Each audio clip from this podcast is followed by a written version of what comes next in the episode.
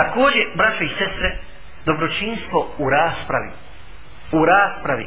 Kad raspravljamo sa ljudima, da li se radilo o vjeri, o Allahovoj istini, da li se radilo o muslimanu kojim stvari neke nisu jasne, ili o kršćaninu, ili o židovu, a? kaže Allah subhanahu zala, vađa vilhum billeti hi ahsen, sa njima na najljepši naši raspravljaj, s kim? Sa ehul kitabijama. Sa ehul kitabijama sa ženom i sa kršanima, kad govoriš o Allahu istini s njima, nemoj da ti bude cilj da ga uvrijediš, da ga poniziš, da se oholiš pred njim, da likuješ kad ga poraziš, kad vidiš da on nema argumenta, kad nema dokaza. Ne, nego ti je cilj da on primi istinu. Da prihvati Allahu istinu, to ti je bolje nego najbolje sad od Eva, kaže sam sada, samo jednom tvojim sebebom, tvojim uzrokom, samo jedan čovjek prihvati istinu. A kamoli, a kamoli visi. Dakle, malo kome se radilo, I nemoj, nemoj biti od onih koji će, koji će biti grubi, grubi u razgovoru i nećeš nikada reći kakve su ovo gluposti, ovo je neistina, ovo, dakle, nego kad razgovaraš s čovjekom, pa vidiš da on iznosi te neki, neki glupost, neki absurd, kažeš, ja se ne slavim s tobom. Ja ću ti izdje dokada, zašto se ne slavim s tobom? To je edeb, to je edeb. A ne kazat, bježi, pusti ti pričaš gluposti čovječe. Ti valjaš, nećete sasrati onda čovjek, to nije dijalog, to je vrijeđanje. Kada je Utbe ibn Rabija došao poslaniku sallallahu alaihi wa sallam u Meku, u najtežem trenutku njegovog života i dave, najtežem trenutku za muslimane, došao je da ga ubjeđuje, da ostavi davu, da ostavi to što je započeo. Pa mu nudi žene, bogatstvo, vlast, kažemo ako si bolestan najbolje ćemo ti ljekara naći na, na dunjavuku, zlata ćemo ga platiti, samo da dođe da te izliči. Čak ga vrijeđa, to je onaj cinizam, znaš, razgovoru, kad vidi čovjek da hoće čovjek da te odvrati od onoga što slijediš, pa često puta se tako ponaša, se sinije te posmatra i gleda, jer vidite samo, usamljen si. Na. Poslanik sallallahu alejhi ve sellem nije progovorio ni jednu riječ dok je on pričao, a toliko ga vrijeđa, toliko ga boli što taj mušik na takav način nastupa. Šta je rekao? Kad je došao da govori, rekao sam na sallallahu Kul ja abal valid. Reci što imaš o Ebu Zarim. Reci što imaš. Kada je završio sve svoje ponude iznio, što je rekao Fusna Selem? Efe rahte ja abal valid. Jesi li završio Ebu Zarim? E jesam. E sad ti mene slušaj. Ja sam tebe slušao. Poslanik sa Selem ne bi pogriješio da ga je prekinuo u polanju njegovih glupih riječi. Jer su bile i glupe i uvredljive i drske. Ali ga je saslušao do kraja.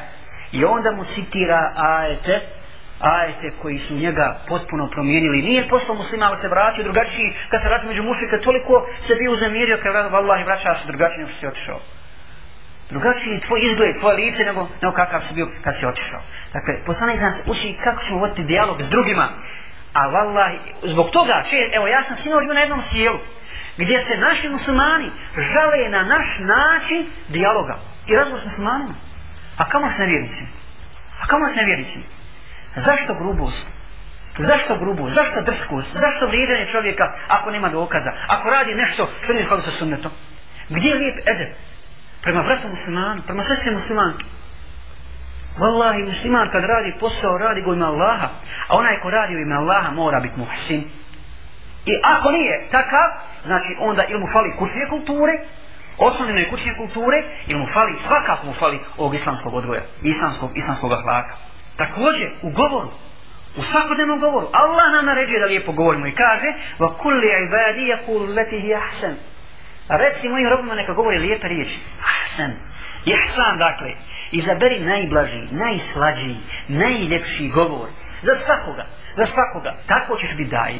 Takav si daje. Svojim ponašanjem, svojim govorom, svojim odnosom prema ljudima. Ti kreniš pažnju.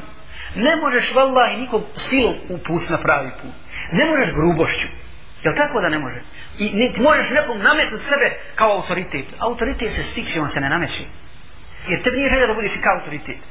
Nego želja ti je da Kur'an i Sunnet budu autoritet svim ljudima. I da ljudi prihvate, prihvate Allahu, Allahu istinu. Pogledajte, braćo, primjera s jednim ashabom koji se zvao Zahir. Bio je čovjek koji je bio jako strog i odbojan. Ljudi su bježali od njega. Bio je jak vjernik, čvrst vjernik, ali vrlo grub i nepristupačan vrlo grubi nepristupačni. A sahabi, dakle, nisu volili sa njim da se druže. Međutim, poslanik sallallahu alejhi ve prema njemu bio jako blag. I pored te njegove osobine, jednoga dana sreo ga je poslanik sallallahu ide ulicom i prišao mu poslanik sallallahu iza leđa. Zatvorio mu oči. I on normalno, pošto posjeduje tu grubu osobinu, rekao je, ko je taj se drzne da mene tako vaka iza leđa, pusti me. Poslanik sallallahu je pustio i nasmio se. Kad je vidio, ko je bio taj ko mu je stavio ruke na oči, rekao je, tako mi Allaha ničem se ne bi obradao ja Rasulallah, da me dodirne ko dodir svojih ruku. Zatim ga je poslani sa selem uzeo za ruku, ljudi prolaze ulicom i on se šali sa njim na jedan umiren način, na jedan lijep način i kaže, ko će kupiti ovog roba? On nije bio rob, bio slobodan čovjek. Kaže ovaj, ashab, ja Rasulallah, tako malo vrijedim u svojim očima. Za tako malo vrijedan ko rob?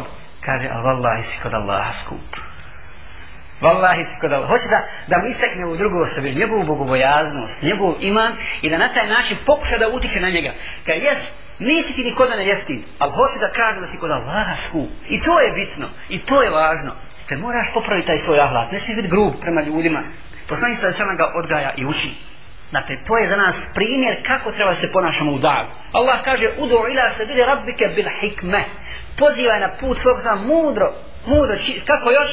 wal mawaizatil hasane opet ihsan i lijepim savjetom i lijepim savjetom ne može drugačije ne može drugačije ako nema lijepog savjeta nećeš pridobiti nećeš pridobiti ljude nećeš pridobiti ljude, nećeš pridobiti ljude.